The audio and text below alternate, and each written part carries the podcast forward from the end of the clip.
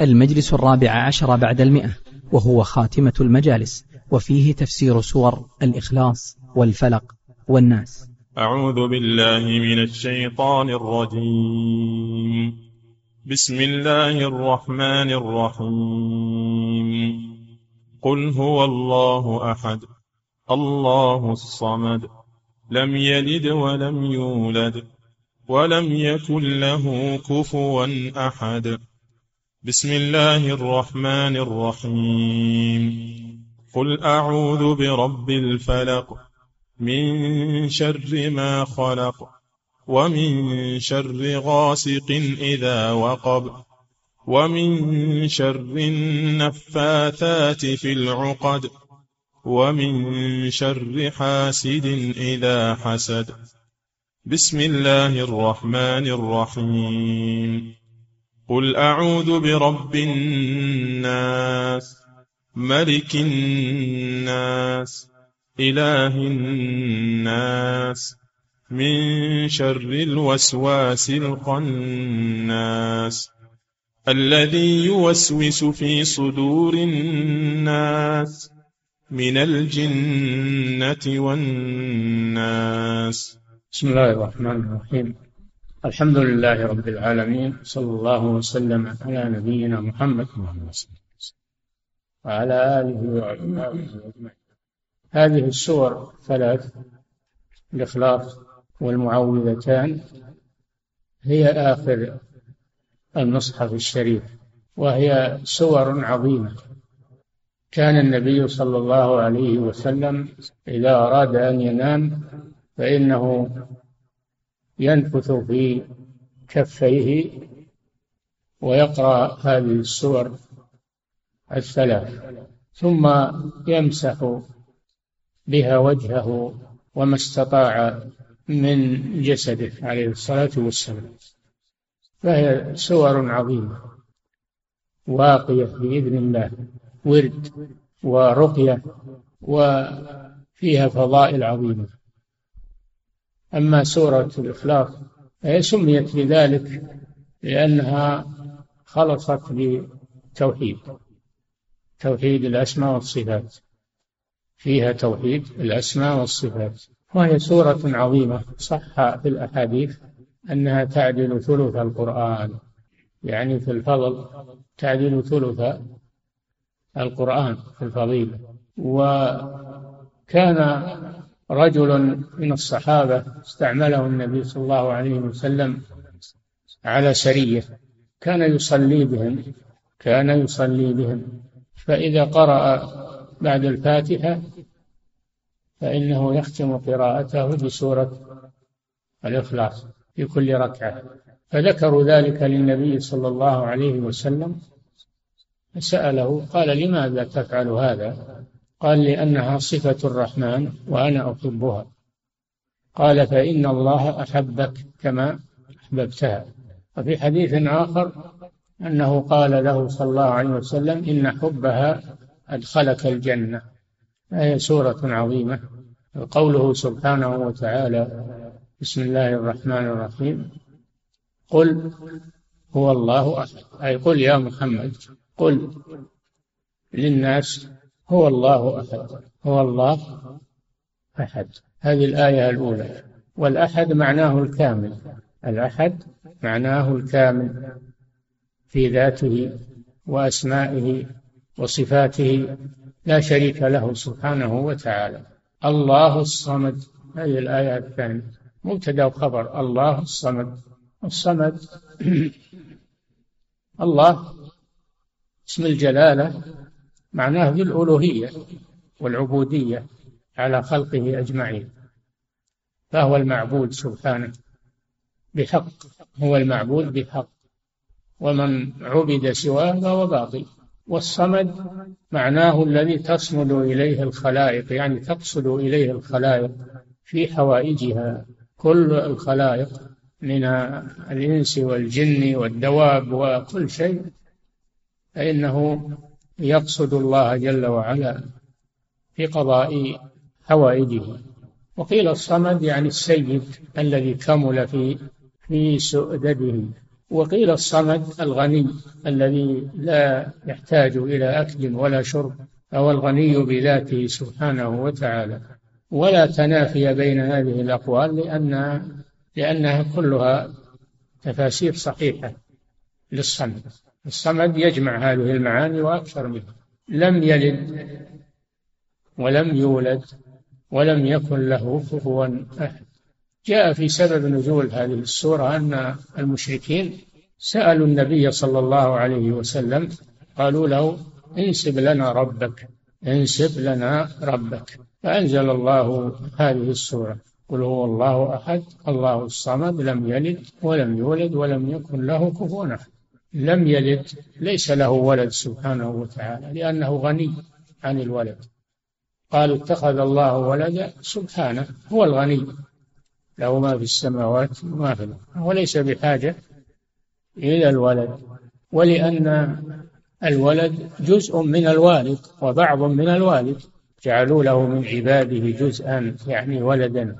والله جل وعلا ليس له جزء من خلقه وأيضا الوالد الولد يشارك الوالد يشارك الوالد ويشبهه. الله جل وعلا لا شبيه له.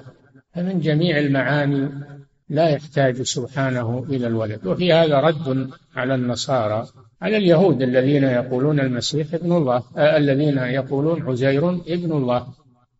ورد على النصارى الذين يقولون المسيح ابن الله.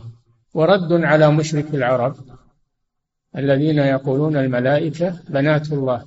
الله سبحانه لم يلد نزه نفسه عن الولد الذي ينصبه له هؤلاء الكفار والمشركون. لم يلد ولم يولد.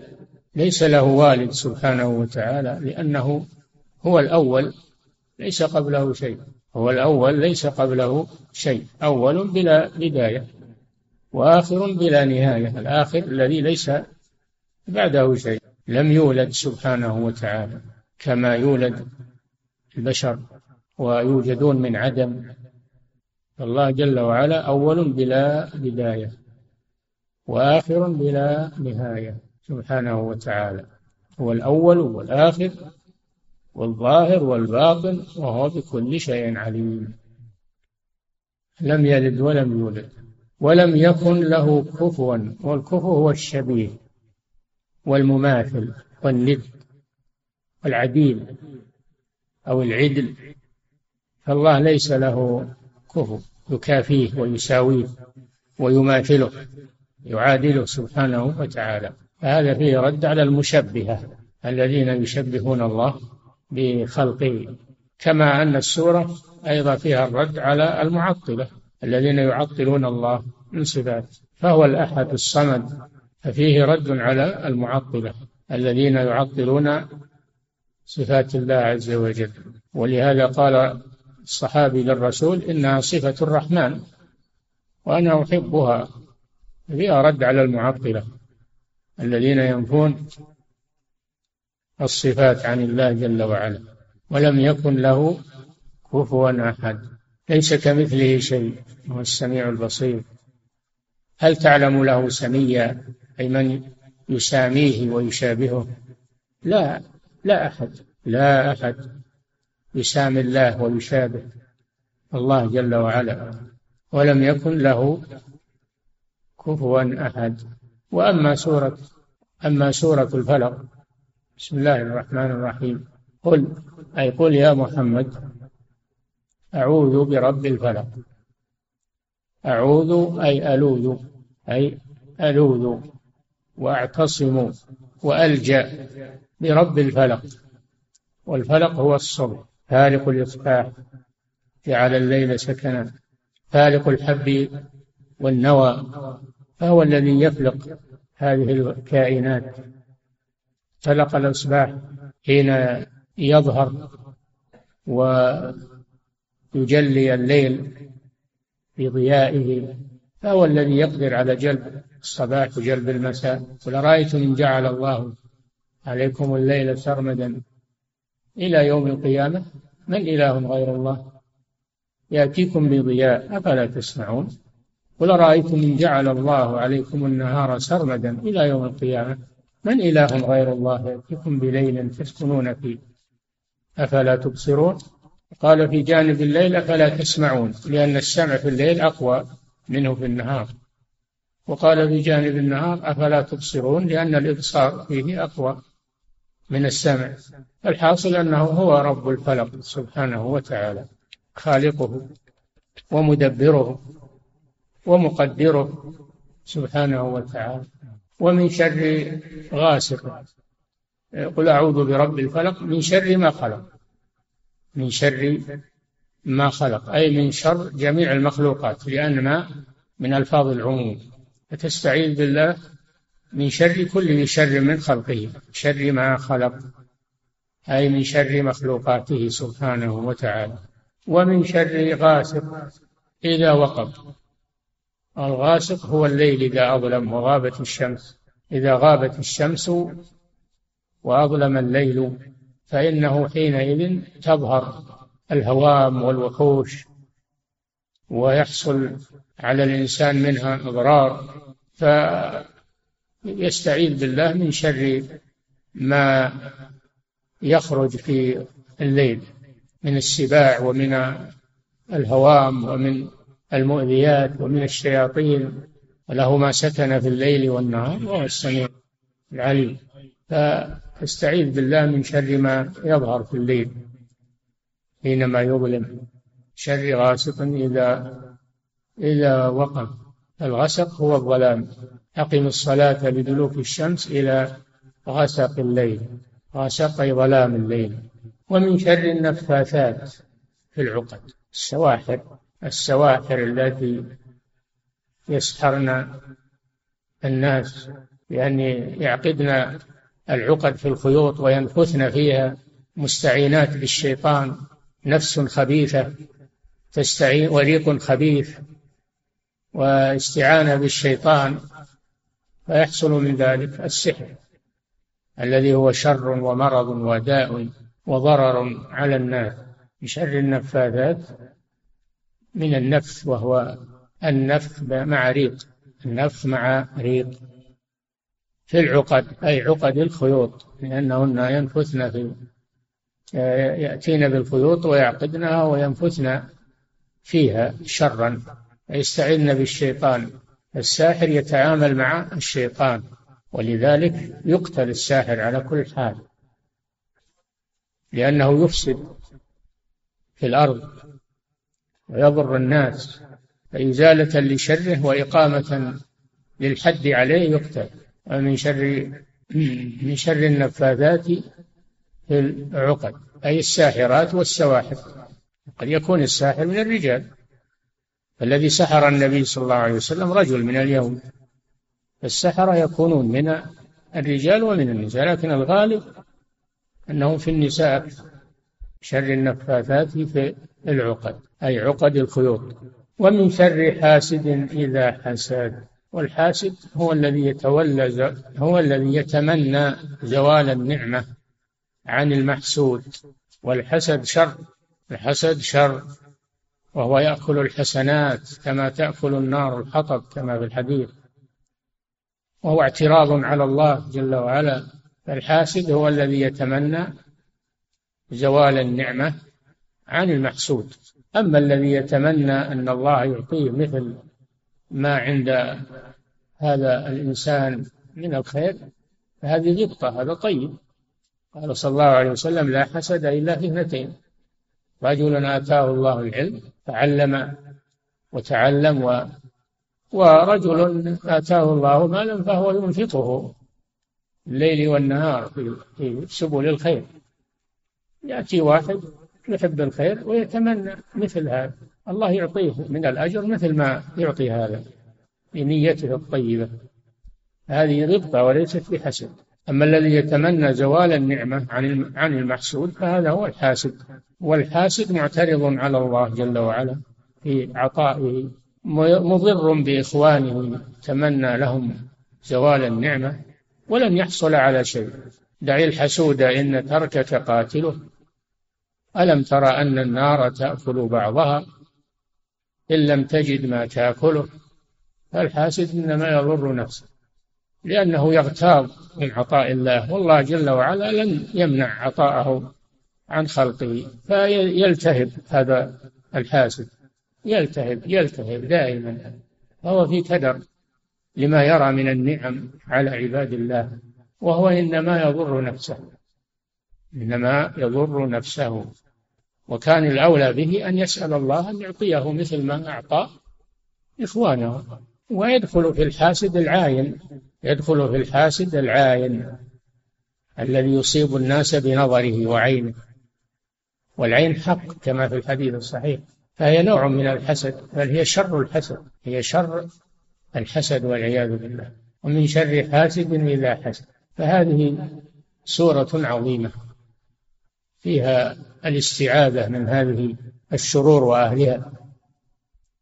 ومن استعاذ بالله عز وجل أعاذه الله وحماه وقوله سبحانه بسم الله الرحمن الرحيم قل يا محمد أعوذ برب الناس.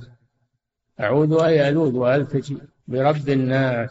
رب الناس. والرب هو المالك الخالق المدبر والسيد الكامل في سؤدده سبحانه وتعالى هذا هو الرب.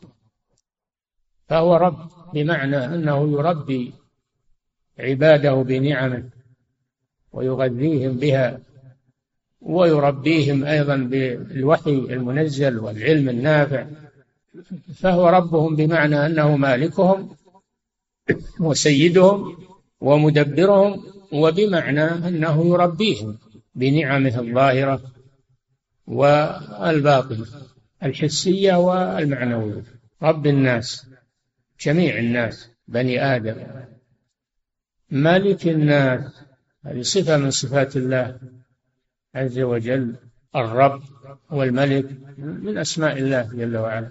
ملك الناس فلا مالك لهم سواه جل وعلا ولا أحد يشاركه في ملكيته للناس جميعا.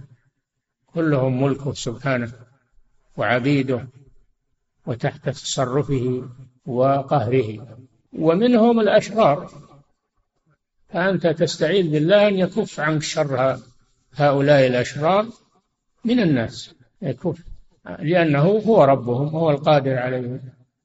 فأنت تعوذ به من شرهم. قل أعوذ برب الناس. ملك الناس. ملك ومالك. مالك يوم الدين وملك يوم الدين وملك يوم الدين. فهو المالك سبحانه وتعالى الذي لا يشاركه أحد. له الملك المطلق. الملك المطلق في يوم القيامة لا أحد يشارك الله في الملك. أما في الدنيا فهناك ملوك لكن ملكهم محدود. ليس مطلقا ملكهم محدود وقليل. وضعيف بالنسبة لملك الله جل وعلا. وهو منحة من الله عز وجل. مالك الملك تؤتي الملك من تشاء تنزع الملك ممن تشاء فلا يشابهون الله عز وجل. أما في الآخرة فالله جل وعلا يقول لمن الملك اليوم؟ لا أحد يدعي ويقول أنا. لمن الملك اليوم؟ ثم يجيب نفسه فيقول لله الواحد القهار. لا أحد ينازعه سبحانه وتعالى. ملك الناس. إله الناس. هذه الصفة الثالثة. إله الناس. والإله معناه المعبود. المعبود. والمعبود على قسمين. معبود بحق وهو الله ومعبود بالباطل وهو ما سوى الله جل وعلا.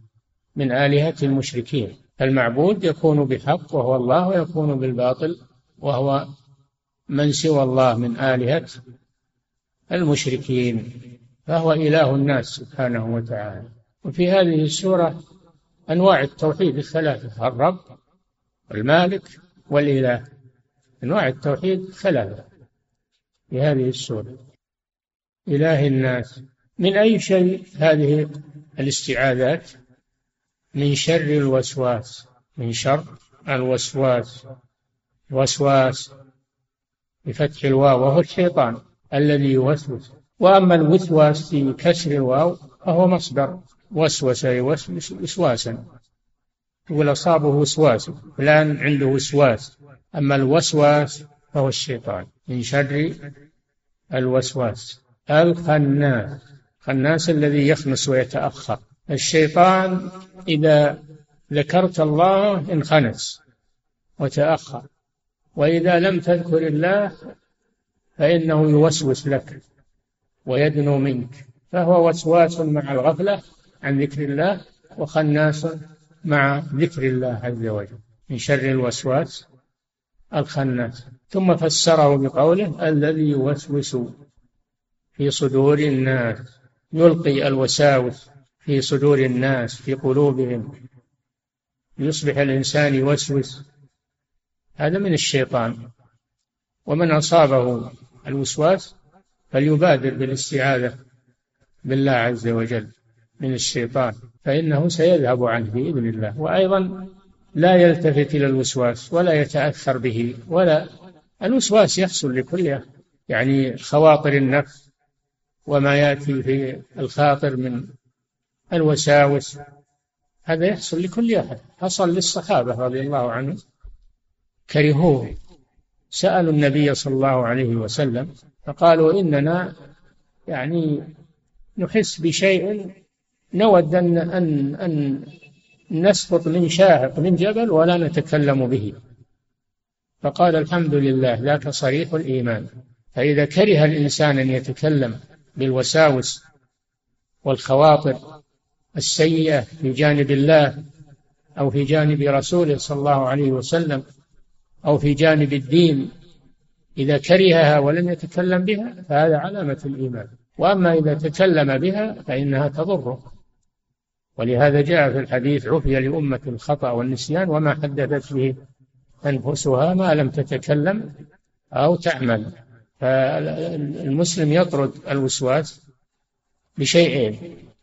الشيء الأول الاستعاذة من الشيطان والشيء الثاني أن لا يتكلم به ولا يعمل به بل يرفضه ويكرهه ولا يضره بإذن الله من شر الوسواس الخناس الذي يوسوس في صدور الناس. من الجنة والناس في صدور الناس. من الجن ومن الإنس. يعني أن هذا الشيطان يكون من من الجن من ذرية إبليس. ويكون من الناس من شياطين الإنس. لأن الإنس لهم شياطين والعياذ بالله. شياطين الإنس والجن. فأنت تستعيذ بالله من من شياطين الإنس والجن. يوسوس في صدور الناس من الجنة والناس. وقيل معناه أن الشيطان يوسوس للجن وللإنس. الشيطان يوسوس للجن حتى. ويوسوس للإنس أيضا لأن الجن مكلفون مثلنا في التكليف والعبادة.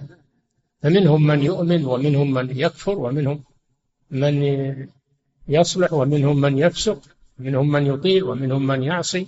فالجن مثل الإنس والشيطان يوسوس لهم كما يوسوس للإنس. الذي يوسوس في صدور الناس من الجنة أي الجن والناس. وكلا المعنيين صحيح. إلا أنه إذا فسر بأنه يوسوس للجن فإنه لا يأتي فإنه لا يأتي المعنى الأول لا يأتي المعنى الأول الذي هو شيطان الإنس لا يأتي. فهذه السور الثلاث سور عظيمة مع سورة الفاتحة يرقى بها من السحر. يرقى بها من السحر ويرقى بها من العين. سورة الفلق فيها الاستعاذة من الحاسد ومن العين. وسورة الناس فيها الاستعاذة من الوساوس والهموم التي تعرض للإنسان. ولهذا لما أصيب النبي صلى الله عليه وسلم بالسحر سحره اليهودي لبيد بن الأعصم قبحه الله. وضع له سحرا في مكان فتأثر النبي صلى الله عليه وسلم به لأنه بشر عليه الصلاة والسلام. يصيبه ما يصيب البشر من المرض ومن الجوع ومن الهم والحزن ومن هو بشر عليه الصلاة والسلام. والسحر مرض. السحر مرض. أصيب به النبي صلى الله عليه وسلم. فجاءه ملكان من السماء أرسلهما الله له فرقياه. بهذه بهاتين السورتين فشفاه الله عز وجل. ودلاه على مكان السحر موضع المكان الذي وضع فيه اليهودي السحر فأرسل من أتى به فأتلفه صلى الله عليه وسلم. وعافاه الله من السحر بالرقية. فالسحر يعالج بالرقية. يعني ثلاثة أشياء. أولا بالرقية. وهي أنفع شيء. ثانيا بإتلاف السحر. إذا وجد يتلف. يحرق أو يتلف. بإتلاف السحر. ثالثا بالاستغسال. الاستغسال بأن يطلب من العاين أنه يغسل يتوضأ يؤخذ ماء وضوئه ويطلب منه أنه يغسل إزاره أو دواخل إزاره ويؤخذ الغسيل ويصب على المصاب بالعين. فيبرأ بإذن الله. هذه الأمور هي علاج السحر. الرقية بالقرآن الإتلاف السحر إذا وجد وعثر عليه آه الاستغسال. إذا استغسلتم فاغسلوا. قال صلى الله عليه وسلم العين حق. ولو شيء سبق القدر لسبقته العين وإذا استغسلتم فاغسلوا إذا طلب منكم ذلك فاغسلوا لا تمتنع. فهذا هو علاج السحر. عافانا الله وإياكم من شر السحر والسحرة ومن شر الأشرار والشياطين ومن شر ظلام الليل ومن شر المخاطر. ما ما ينجي منها إلا الله سبحانه وتعالى. فدائما تعلق بالله عز وجل. دائما استعمل اسم الله. قل بسم الله عند الدخول وعند الخروج وعند النزول وعند الصعود وعند استعمل بسم الله فإنها حصن من الشرور ومن الشياطين. فدائما الهج بذكر الله وببسم الله وبالاستعاذة بالله وبتلاوة القرآن. فإن الله وكذلك بالأوراد الصباح والمساء وعند النوم. لا تغفل عن نفسك. تحصن بذكر الله وبالورد في أول النهار وفي أول الليل وفي يعني في أول الصباح وفي أول المساء وفي عند النوم تحصن بالورد من القرآن ومن الأدعية الشرعية والتعوذات الشرعية والقرآنية. وبذلك بإذن الله ستسلم من الشرور وأصحابها.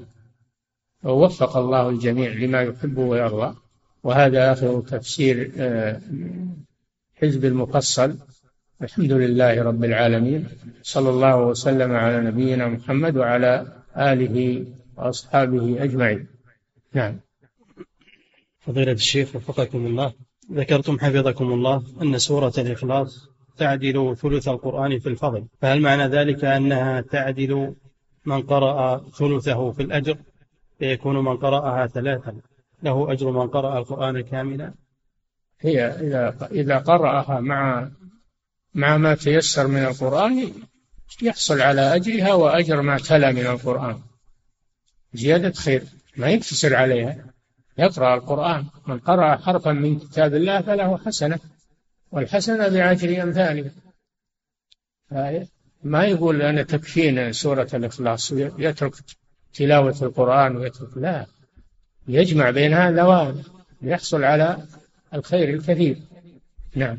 فضيلة الشيخ وفقكم الله. وقد ألف شيخ الإسلام ابن تيمية رحمه الله مؤلفا مستقلا في تفسير سورة الإخلاص. عنوانه جواب أهل العلم والإيمان في أن سورة الإخلاص تعدل ثلث القرآن. وهو مطبوع كثير ولله نعم. فضيلة الشيخ وفقكم الله ورد في حديث عائشة رضي الله عنها أن النبي صلى الله عليه وسلم كان إذا أوى إلى فراشه جمع كفيه ثم نفث نفث فيهما ثم يقرأ هذه السور. سؤاله هل يعمل بظاهر هذا الحديث فيكون النفث قبل القراءة أم تقدم القراءة على النفث؟ يقرأ ثم ينفث. يقرأ ثم ينفث بعد ما يقرأ. نعم. فضيلة الشيخ وفقكم الله. ذكرتم حفظكم الله في معنى الصمد أنه هو الكامل في سؤدده. فما معنى السيد السيد الكامل في سؤدده. يعني سيادته للعالم. هو سيد الناس. نعم. ولذلك ينهى عن الإنسان يسمى سيد الناس. ما يقال هذا؟ أو ملك الإنسانية. أو ملك القلوب. لا يجوز هذا. هذا غلو والعياذ بالله. ما في أحد يملك القلوب إلا الله. ما في أحد سيد الناس أو سيد الإنسانية أو ملك الإنسانية إلا الله سبحانه وتعالى. نعم. فضيلة الشيخ وفقكم الله ما حكم قراءة سورة الإخلاص؟ مئة مرة في الصباح ومئة مرة في المساء طلبا للأجر. ورد هذا ورد في حديث مئة مرة في الصباح والمساء. ورد هذا راجعوا تفسير ابن كثير إنه أطال عليها من الأحاديث الواردة في شأنها. نعم. فضيلة الشيخ وفقكم الله هل الساحر الذي لم يعلم أحد عنه شيئا وتاب هل يقام عليه الحد؟ ما يقام عليه الحد إلا بأحد أمرين إما بالبينة التي تشهد عليه وإما بإقراره على نفسه بذلك. مجرد الاتهام؟ لا. نعم فضيلة الشيخ وفقكم الله. يقول هل يسقط الحد عن الساحر إن تاب؟ لا. يقتل على كل حال. قتل عمر. أمر بقتل السحرة. ولم يأمر باستتابتهم. قتلت حفصة جارية لها سحرتها ولم تستتبها. نعم. فضيلة الشيخ وفقكم الله. وقتل جندب بن, جع... بن كعب. جندب بن كعب قتل ساحرا ولم يستتبه. نعم. فضيلة الشيخ وفقكم الله. ذكرتم حفظكم الله أن الحاسد لا يضر إلا نفسه وأنه لم وأنه لن يمنع عطاء الله للمحسود. إذن. السؤال لماذا أمرنا الله أن نتعوذ من الحاسد إذا كان لا يضر إلا نفسه؟ يعني أنه هو يصيبه الهم أكثر من إصابة المحسود يصيبه الهم والاحتراق أكثر مما يصيب المحسود. نعم. فضيلة الشيخ وفقكم الله هل الخوف من صاحب العين من العائل الذي يصيب الناس يدخل في الخوف المذموم؟ لا لكن مبالغات المبالغات لا لا تجوز. أما إنسان معروف أنه يصيب بعينه فتأخذ حذرك منه بالورد وبالتعوذات وقراءة القرآن. نعم. فضيلة الشيخ. هذا من تجنب الأسباب الضارة مثل ما تجنب الحية والعقرب والسبع تتجنب العاين أيضا نعم. فضيلة الشيخ وفقكم الله هل يؤخذ من قوله سبحانه وتعالى قل هو الله أحد؟ أن من أسماء الله الحسنى الأحد؟ نعم الأحد الصمد ما تقول الأحد فقط. الأحد الصمد. نعم. يقول وهل هذا الاسم خاص بالله تعالى إذا كان معرفا بالألف واللام الأحد؟ نعم. لا أحد يسمى الأحد إلا الله جل وعلا. ولذلك فيه عبد الأحد كثير يسمون عبد الأحد أي الله جل وعلا. نعم. آه أنا عندي ارتباط فنكتفي بهذا القدر. والله تعالى أعلم وصلى الله وسلم على نبينا محمد وعلى آله